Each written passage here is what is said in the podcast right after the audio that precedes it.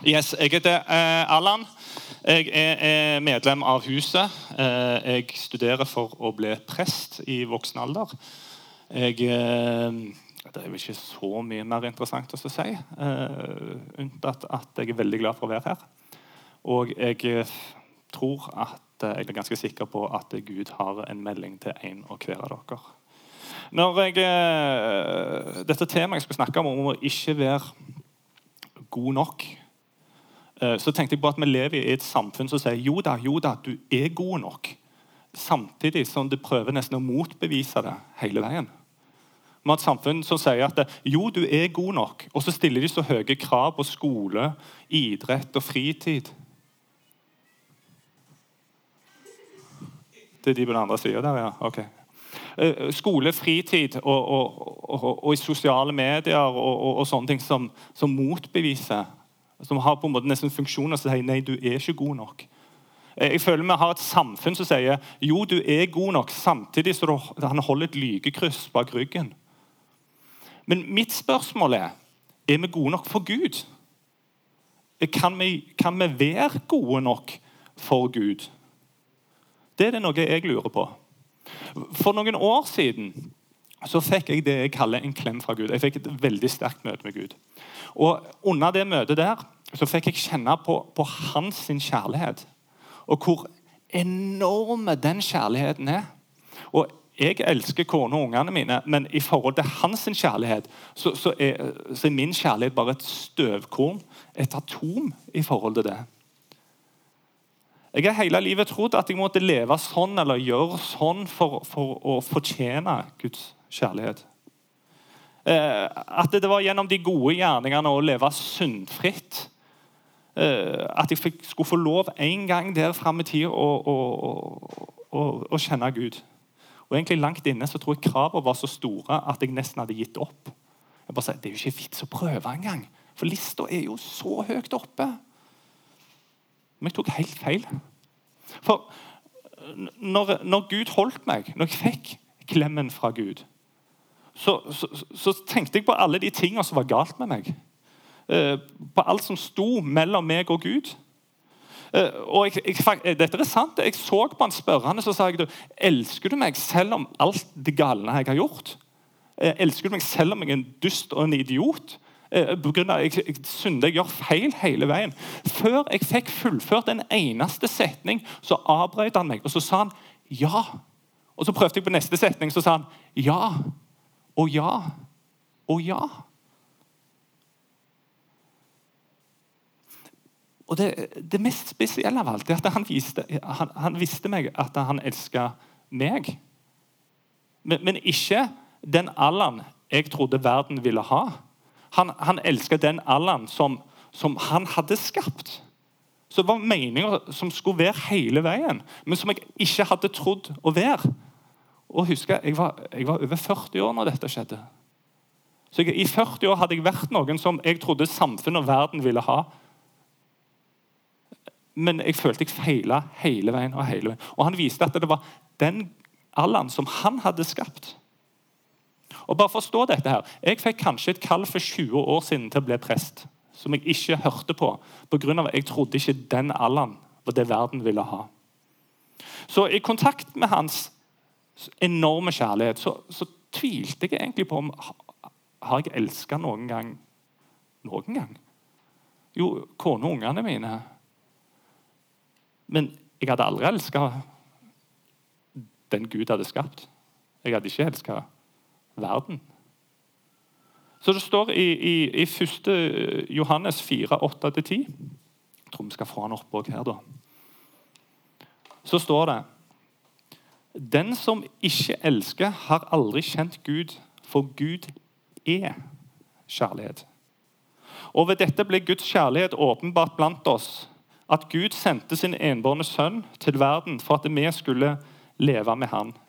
Ja, dette er kjærligheten. Ikke at vi har elska Gud, men at han har elska oss og sendt sin sønn til soning for våre synder.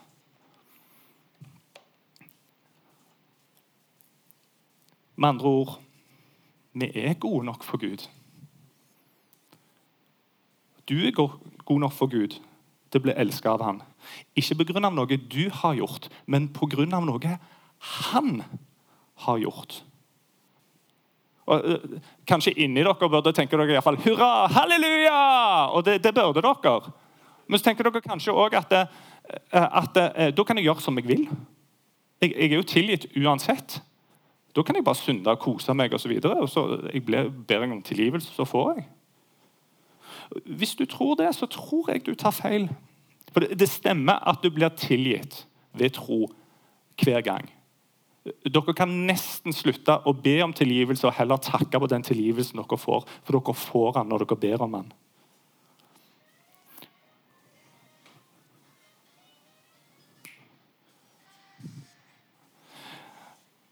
Men hvis dere tror at Gud misliker synd pga. han vil ta fra dere gleder, fordi han vil utøve noe makt, at han ønsker å gjøre livet sørgelig og kjipt, så tror jeg òg dere tar feil.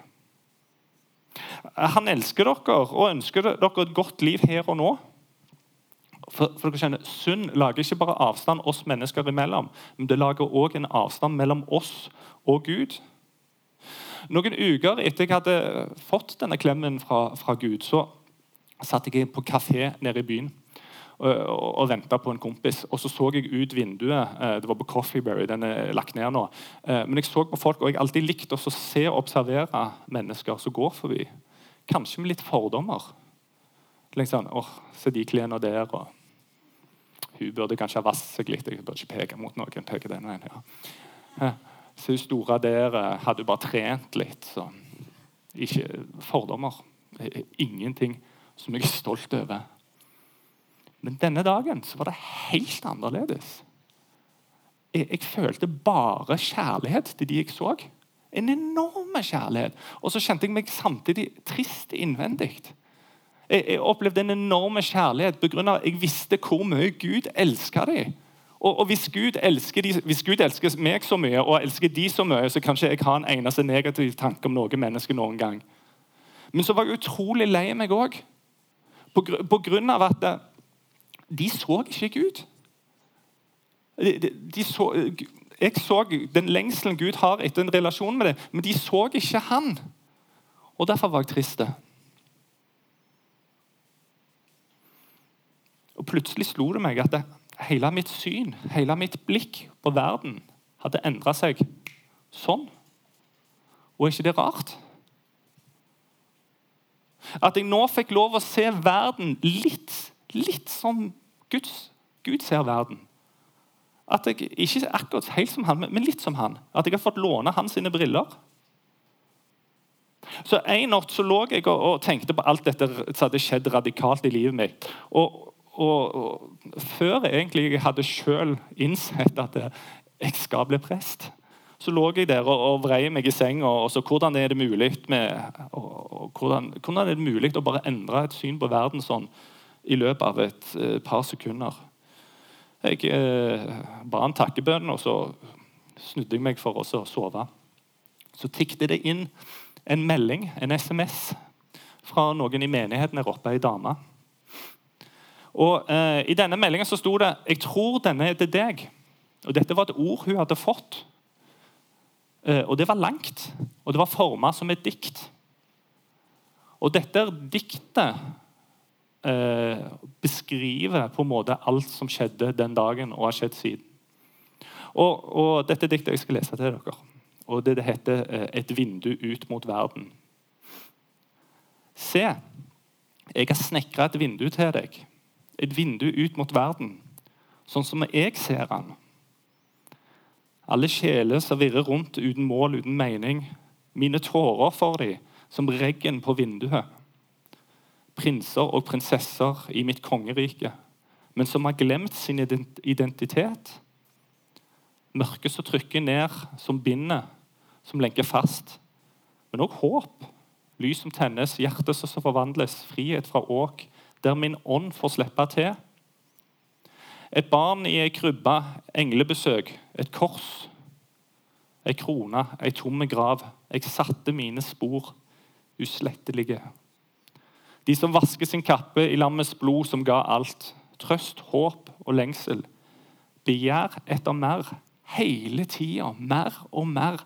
alt som bor i menneskers hjerte. Du er kalt for å se. Se med mine øyne. Se min godhet. Dele min godhet. Dele mitt hjerte. Lede mine lam på veien hjem sammen med meg. Tenk for en beskjed å få. Og hvis dere ser jeg har liksom rørt, Når jeg kjenner Den hellige ånd, så kommer jeg til tårer. og Dere som har vært med Mike, vet at det er en reaksjon. Så møtet med Gud endra ikke bare måten jeg så på meg sjøl, men det endra også hvordan jeg så verden. Og Sånn ble det med mye ting. Jeg slutta helt å drikke alkohol. Ikke at jeg har hatt noen store utfordringer med det, eh, og heller ikke pga. det står i Bibelen. Eneste grunnen var at eh, hvis jeg ikke var 100% edru hele veien, så kunne ikke jeg skille mellom det Gud sa, og mine egne tanker. Og jeg ville være klar hele veien til å reagere og jobbe der. Jeg, eh, jeg slutta å, å, jage etter feil ting. Status etter penger. Jeg slutta å dømme andre. Jeg slutta å smålyge. Men enda viktigere, jeg begynte å velsigne fremmede, fattige narkomane og uteliggere. Jeg begynte å hjelpe andre uten noe som helst intensjon om å få noe tilbake. Jeg slutta med alt jeg plutselig opplevde som så totalt meningsløst. Og ikke pga. at jeg følte jeg måtte, ikke pga. at det ikke var sunn eller gode gjerninger, men pga. det var det hele mitt hjerte ville. Og jeg ble rett og slett lykkelig av, av det. Og Det var ingen offer i det hele tatt. Det eneste jeg ønska, var å gjøre det Jesus pekte på. Om jeg har gjort rett hele veien? Langt ifra. Men jeg har lært meg å, be raskt om tilgivelse. Og så har jeg et triks til også. Jeg, jeg, ber til Gud ofte gi meg en albue i magen hver gang jeg er på vei til å gjøre noe gale. På vei til å tenke noe gale. Så Bare en liten sånn en i magen. Uh, og det skal jeg love deg, det er ganske effektivt når du får en albue i magen av Gud. Ja. Han, uh, han, ganske, han, er ganske kraftig, ser dere. Det står i uh, Efeserne uh, 2.10, faktisk. Mye av det jeg fikk oppleve. Uh, for vi er hans verk, skapt i Kristus Jesus. Vi er hans verk. Vi er skapt i Guds bilde. Vi er skapt av Gud i Guds bilde. Skapt i Kristus Jesus, dvs. Si vi er født på ny gjennom Kristus Jesus til å gjøre gode gjerninger som Gud forut, eller det står kanskje på forhånd, på forhånd, dvs. Si før tida, har lagt ferdig for at vi skulle vandre i dem. Med andre ord, Det å være en Jesus-etterfølger, en kristen, handler om å gjøre de gode gjerningene som Gud har lagt foran oss, og vi skal få lov å gå i hvis vi velger. Det å leve så syndfritt som mulig handler ikke om å ikke synde sånn egentlig, men det handler om å gå på den gode veien og gjøre de gode gjerningene som Gud har skapt deg for å gjøre. Å gjøre de gode handlingene er på en måte hvordan Gud åpenbarer seg og viser seg i verden gjennom deg. Er ikke det litt kult? Jeg liker egentlig ikke å snakke om synd. Jeg liker heller å snakke om de gode gjerningene. Men synd handler ikke først og fremst om Gud. Selv, men for all del, jeg, sier ikke at det synd at det er ok. Han liker det ikke. Ikke i det hele tatt. Men, men, det handler om at hvis, vi, hvis vi synder, så gjør vi ikke de gode gjerningene som han vil vi skal gå på. For, for synd handler egentlig mest om deg, ditt liv og din vandring i forhold til Gud. Det handler om å ha det langsiktige perspektivet. Det, det, er på en måte en metode for å holde deg på veien. Og, og for, eh, Om dette her er ok å snakke om her, men jeg kommer til å gjøre det uansett. Ta f.eks. det å, å, ikke se på pornografi, som er et kjempeproblem i samfunnet. spesielt blant voksne. Det handler først og fremst at det utnytter mennesker i sårbare posisjoner av samfunn. Selve motoren innen menneskehandel og moderne slaveri. Men det ødelegger òg ditt syn på et sunt seksualliv.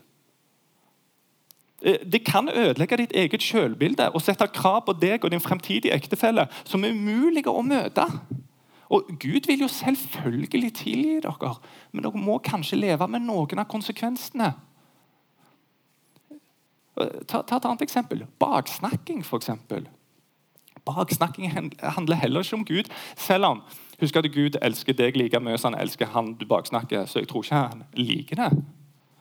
Men, men, men tenk hvordan folk, tenk hvordan folk eh, forholder seg til noen som baksnakker. Hva de tror om deg.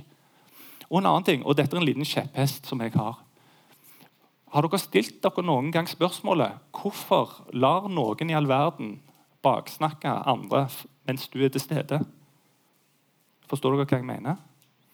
Hvorfor, det, hvorfor syns folk at, det er tillatt, at de har tillatt å baksnakke andre mens du hører på? Jeg mener, Det er ingen som ville ha baksnakket min kone, mine unger eller mine venner foran meg. De hadde ikke tørt. Hvorfor? For de vet jeg hadde reagert. Det er pga. at jeg hadde sagt ifra. Jeg hadde snudd ryggen. Og dette er kanskje store ting, men Poenget mitt er at Gud har lagt en god vei i ditt liv som ikke handler om at han er streng, men han ønsker at du skal holde deg på veien, sånn at du får et fabelaktig liv sammen med han. Men på den andre sida er ikke dette disippellivet heller et jag etter å prestere syndfritt og utføre gode gjerninger. For det er ingenting dere kan gjøre som kan få Gud til å elske dere mer. Det er heller ingenting dere kan gjøre som kan få Gud til å elske dere mindre. Og dette er viktig. Dine handlinger og din frelse henger ikke sammen. Det eneste som kreves av Gud for frelse, er troen på, ha tillit til at hans sønn Jesus Kristus døde på korset for din skyld, for deg personlig, og stå opp igjen. Det er det eneste som kreves. Derfor er du alltid god nok til å starte en relasjon med Gud. Eller sagt på en annen måte, Du er alltid god nok til å starte på ditt evige liv.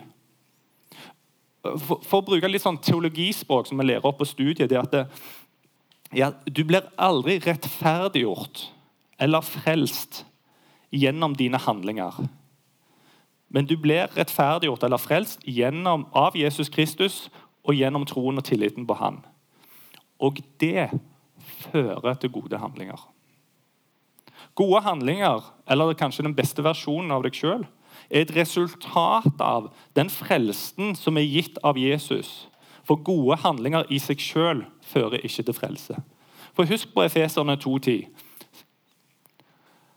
For vi er Hans verk, skapt i Kristus Jesus til gode gjerninger, som Gud har foran eller forut forhånd lagt ferdig for at vi skulle kunne vandre i dem. Å gå med Han får en konsekvens for resten av livet ditt. For du går på den veien Han har gjort klar for deg. Med andre ord, Dine gode handlinger er en måte Gud viser seg sjøl på i denne verden. Og Det, er utrolig viktig poeng at dette ikke handler om prestasjon. Uh, jeg er faktisk litt bekymra. Dere som har vært med meg på Skiviken før, dere har kanskje hørt dette før, men jeg har to og en halv tenåringer hjemme. Nesten tre. Og så leser vi i aviser og, og, og, sosiale medier og på Facebook om uh, mange ungdom som har prestasjonsangst og, og driver, har depresjon og dårlig selvbilde osv. Og, og så har jeg lurt på hvorfor, hvorfor er det sånn? Knytta til prestasjon.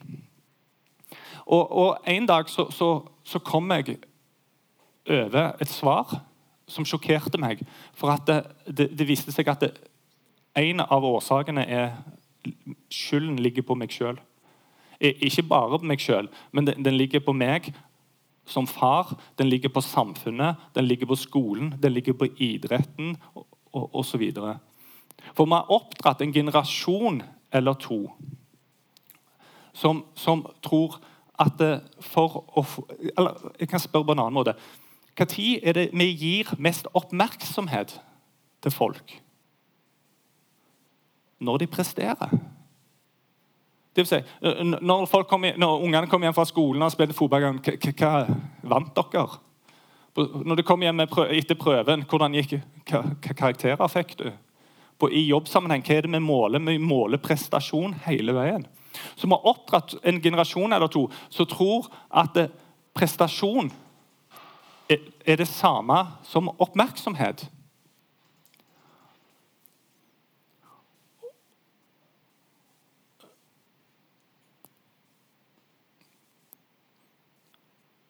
Når dere Nå, nå gikk jeg langt ut for manus, men det er fint nok. Men se på, se på rosabloggerne. Deltakere Ex on the Beach og Paradise Hotel. Hva er det de er ute etter? Hva er det vi alle er ute etter? Og det er oppmerksomhet. Og, og De føler absolutt at de ikke er gode nok. Og alle ville ha oppmerksomhet. Og her er en annen ting. Vet dere hva det, noe vanskelig ord, det psykologiske synonymet til oppmerksomhet er? Eller sagt på en annen måte eh, Hvordan hjernen tolker oppmerksomhet. Oppmerksomhet blir tolka som kjærlighet og verdi. Og Ikke rart folk blir deprimerte når folk kobler prestasjon med sin egen verdi. Ikke rart folk blir deprimerte når de kobler prestasjon med kjærlighet. For, for vi lever, lever, i en verden som har en umulig ligning. Eh, en ligning som står til prestasjon, som er lik oppmerksomhet, som er lik kjærlighet. Og det er jo ikke sant. Men det er veldig mange som tror det. Og kjærlighet det er noe vi alle ønsker mest her i livet. Om vi tror på Gud eller ikke. Fordi Gud er kjærlighet. Og jeg tror at den evige jakten etter kjærlighet i verden egentlig er på en jakt i den relasjon med Jesus Kristus og med Gud. For han er kjærligheten. Og jeg mener, Det er ikke rart folk blir, eh, får angst og deprimerte. Vi som har levd en stund, vi vet at vi klarer ikke å prestere hele livet. Og Hvis du kobler din prestasjon med kjærlighet og verdi, og du går på trynet, hva er du verdt da? Ingenting. Men vet dere hva? Vi må ut og redde verden. Vi må gå ut og gjøre noen ferdiglagte, uh, gå noen ferdiglagte stier. Uh, og vi må ut og si til folk at det, verdi har ingenting med hvordan de presterer i livet. Blir dere med på det? Ja, men ok. Min jobb som far er å fortelle mine unger jeg elsker dem uansett hva de presterer. Min jobb som nestenpresten er å fortelle verden at Gud elsker dem uansett hva de presterer. Deres jobb som kristne er å fortelle vennene dine og egentlig foreldrene dine at Gud elsker dem, og dere elsker dem uansett. Så bli med meg nå. Dere blir med og forandrer verden? Ja, ok, yes. Da skal dere si til sidemannen deres. ok? Velg en sidemann. Si 'Hei, sidemann'. Du har uendelig verdi og er elska uansett hva du presterer. Hysj. Tre, to, én, stopp. Ok, Så sier dere til andre sidemann. Hei, andre sidemann. Tilgi meg at du var mitt andre valg. Men Gud elsker dere uansett hva dere presterer her i verden. Yes. Eh, helt, helt, siden jeg fikk mitt møte med Gud, så har jeg prøvd å holde meg på den veien med gode gjerninger som han har lagt foran meg. Sakte, men sikkert så har jeg fått lov å være en av hans sitt verktøy her i verden. Jeg har fått lov å være vitne til og se hvordan han berører mennesker og endrer menneskers liv. Både de små tingene, men også de store, radikale tingene. Og det er kanskje den største velsignelsen jeg kunne noen ganger spurt om. Jeg følger bare Jesus i kjærlighet fordi jeg vil eh, glede og ære min nye venn Jesus Kristus. Eh, og Hvis jeg skulle valgt ett bibelvers som kan beskrive den vandringen med Gud, så må det være Matteus 16, 24. For Deretter sa Jesus til disiplene sine.: Om noen vil følge etter meg, må han fornekte seg sjøl og ta opp sitt kors og følge meg. Mange som leser dette her verset, blir forskrekka over ordet 'fornekte seg sjøl og ta opp sitt kors'. Det høres kanskje litt sånn oppofrende ut. Det høres ut som man virkelig må lide litt, sånn som de gjorde i, i, i Nye testamentet, eh, for å være en Jesus-etterfølger. Men for meg så betyr å fornekte seg sjøl det er å se vekk fra de dårlige tingene det som gir meg midlertidig eller kortsiktig glede. Ting som kanskje ser attraktivt ut i samfunnet sitt ståsted, men som fører ingen sted. Og vi jager rikdom, suksess og status. Med andre ord å slutte å se på seg sjøl som verdens sentrum og rette blikket mot skaperen. For meg er det å fornekte seg sjøl å nekte seg sjøl førsteretten på alt her i verden. Å ta opp sitt kors handler for meg å ta opp den friheten Jesus ga da han tok opp sitt kors. Friheten til å bli rettferdiggjort i tillit til ham. Friheten til å leve på den rette veien og i de gode gjerningene som han har gjort mulig. Å ta opp mitt kors handler å ta opp den friheten Gud har gitt meg når Jesus valgte å ikke bli på sitt kors, men stå opp igjen fra de døde og befri oss fra synden. Og jeg gjør feil. Jeg gjør feil hele veien. Og Ofte vet jeg faktisk ikke om jeg har gjort feil, eh, rett eller galt, før etterpå. For han er en liten luring, han der oppe. Han avslører faktisk ikke det man har fått lov å være med på ofte, før etterpå. For Hvis han hadde avslørt det før, så, hadde vi trodd at vi hadde gjort det av våre egne gjerninger. Det er egentlig et ganske viktig poeng. Eh, heldigvis har jeg eh, et forbilde i disippelen Peter. Peter, som hele vår kirke er bygga på, er så langt ifra perfekt. Peter han heter egentlig Simon i starten av Det nye testamentet. Men Jesus gir han navnet Peter, eller Kefas, klippen, som hele vår kirke er bygga på. Og Han er jo en mester til å gjøre de rette tingene det ene øyeblikket, og så trør han rett i salaten i det neste. Så Når Jesus vasker føttene til disiplene, så sier Peter, 'Hei, vasker du føttene mine?' Jesus svarte, 'Det jeg gjør, forstår du ikke nå, men du skal forstå det seinere.' 'Aldri i livet skal du vaske føttene mine', sier Peter.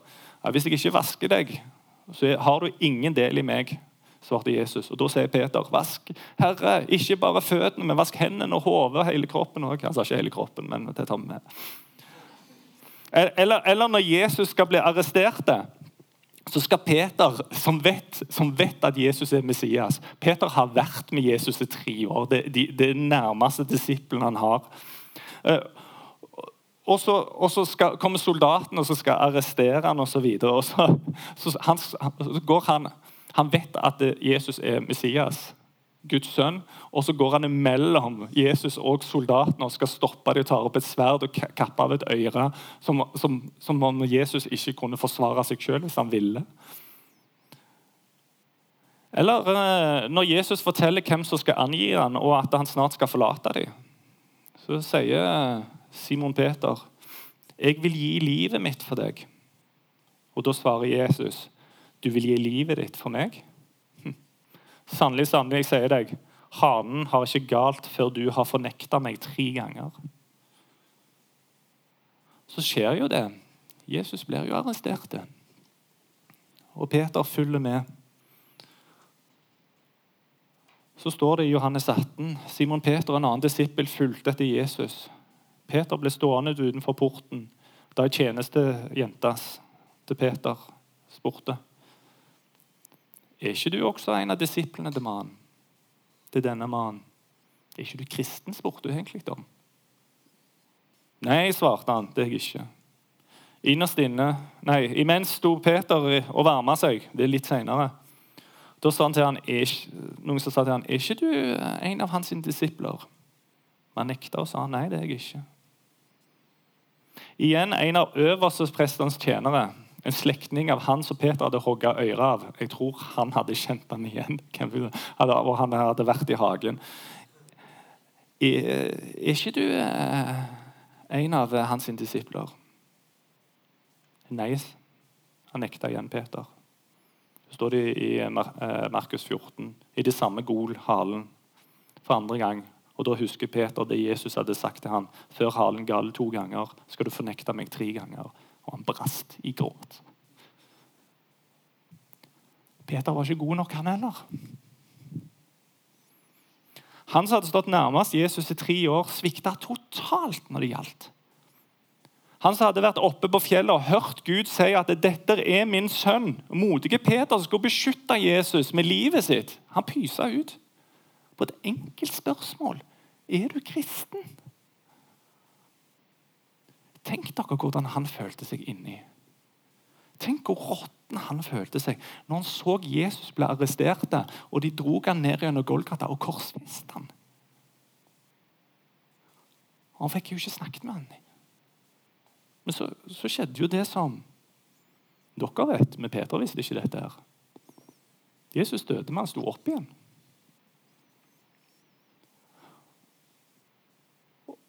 Og Jesus viser seg jo flere ganger. Men Jesus og Peter hadde, fikk aldri en sånn ordentlig sit-down og sitte og prate om det som hadde skjedd. Før, før helt i slutten. Helt i slutten. Egentlig før det du kaller Kristi himmelfartsdagen. Det er noe av det siste som skjer og Da, da har eh, Peter, eh, Peter, De visste ikke hva de skulle gjøre, så de hadde, gått, de hadde dratt ut i båten og fiska igjen. Peter var jo fisker. Og, og, og, det er ofte det du gjør når du føler deg du har svikta. Det er å gå tilbake til alt det gamle du gjorde før. Men så, hadde, så, så jo, eh, Simon Peter så jo Jesus på stranden mens var, de var ute i båten og fiska. De fikk jo ikke fisk den gangen heller. det er også litt interessant. De fikk, når Jesus sa 'kast noter på den andre sida', så fikk de fisk.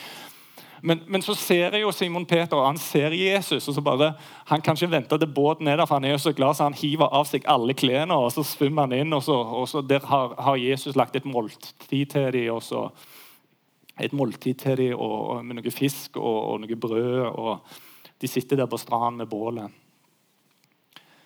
Og så eh, henvender seg Jesus seg til Simon Peter. Dette er Johannes 21. 15-17. I Jesus snakker. Simon, sønn av Johannes, elsker du meg mer enn disse? Han svarte, Ja, Herre, du vet at jeg har deg kjær. Jesus sier til han, Fø lammene mine. Igjen for andre gang sier han, Simon, sønn av Johannes, elsker du meg? Ja, Herre, du vet at jeg har deg kjær, svarte Peter. Jesus svarer, Vær gjeter for sauene mine. Så sier han for tredje gang, 'Simon, sønn av Johannes, har du meg kjær?' Peter ble bedrøvet over at Jesus for tredje gangen spurte han om han hadde han kjær.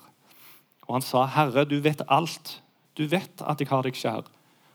Så sier Jesus til han, 'Fø sauene mine.' Jesus spør ikke Simon Peter pga. Jesus trenger sjøl å høre at Peter elsker han. Jesus spør tre ganger pga. at Peter trenger, trenger å høre seg sjøl sier det tre ganger.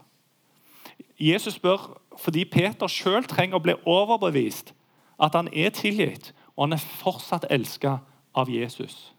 For sin egen skylds del. En annen ting som er litt interessant, og, og dette er kanskje litt uh, uh, bibelnerding, men Jesus bruker det gamle navnet til Peter. Simon. Navnet han hadde før Jesus endra det til Peter. Kan det være at uh, den første gangen Jesus kalte Simon for Peter, så var det en profeti? En profeti om at uh, han en dag, en dag skulle bli klippen. For, for, husk nå, ti dager etter denne møtet, ti dager det, så leder Peter 3000 mann til tro. Kan det være at Peter bare hadde kallenavnet ja, Simon hadde, Peter hadde kallenavnet Peter frem til nå? Men i sin bekjennelse om han elska Jesus, så ble Simon klippen Peter. Forstår dere hva jeg mener? Vi tar det etterpå. Hør da.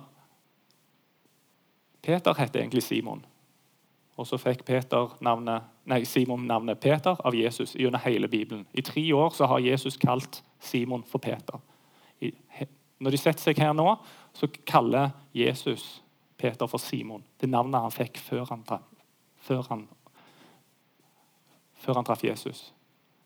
Jeg tror det er et signal på at det er en, en type gjenfødsel i dette her, med erkjennelsen at Simon Peter elsker Jesus. Det tredje er spørsmålet har aldri vært om Jesus elsker Peter. Det er avgjort. For Jesus døde for Peter. Han døde for deg, han døde for meg, og han sto opp for oss alle. Og vi trenger ikke mer bevis for hans kjærlighet enn det. Spørsmålet er om Peter elsker Jesus. Og da er mitt spørsmål til dere elsker dere Jesus. Ta, ta og, og Lukk øynene deres litt og fold hendene. Se for dere at dere eh, bare tar av lyset òg. Sånn. Se for dere at dere sitter på ei strand. Bålet er tent foran dere. På andre sida sitter Jesus. Hva ville dere ha svart han hvis han hadde spurt dere? Elsker du meg? Tenk litt på svaret. Og det er ingen svar som er feil her. Tenker du kanskje ja, jeg elsker deg? Tenker du eh, jeg vet ikke Jeg vet ikke, men jeg har lyst til å elske deg. Tenker du kanskje Nei, jeg er sint på deg fordi Tenker du kanskje Nei, for jeg vet ikke hvem du er. Tenker du kanskje Jeg vet ikke om jeg er god nok til å elske deg. Tenk litt på svaret. Vi skal gjøre en øvelse. Bare fortsett å holde øynene igjen. Jeg kom til å lese gjennom teksten en gang til, men hoppe over svarene til Peter. Hvis dere vil, så svar på spørsmålet til Jesus inni dere. Og det er ingen svar som er feil her. For bare vær ærlige. For som Peter sier, 'Herre, du vet alt.' Allerede. Men kanskje noen av dere trenger å høre dere sjøl si det direkte til Jesus.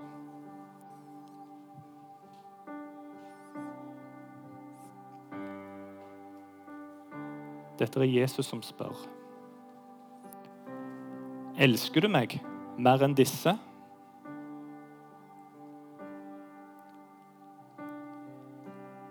Fø lammene mine. Igjen for andre gang spør Jesus. Elsker du meg? Vær gjeter for sauene mine. Så spør han for tredje gang. Har du meg kjær? Fø sauene mine.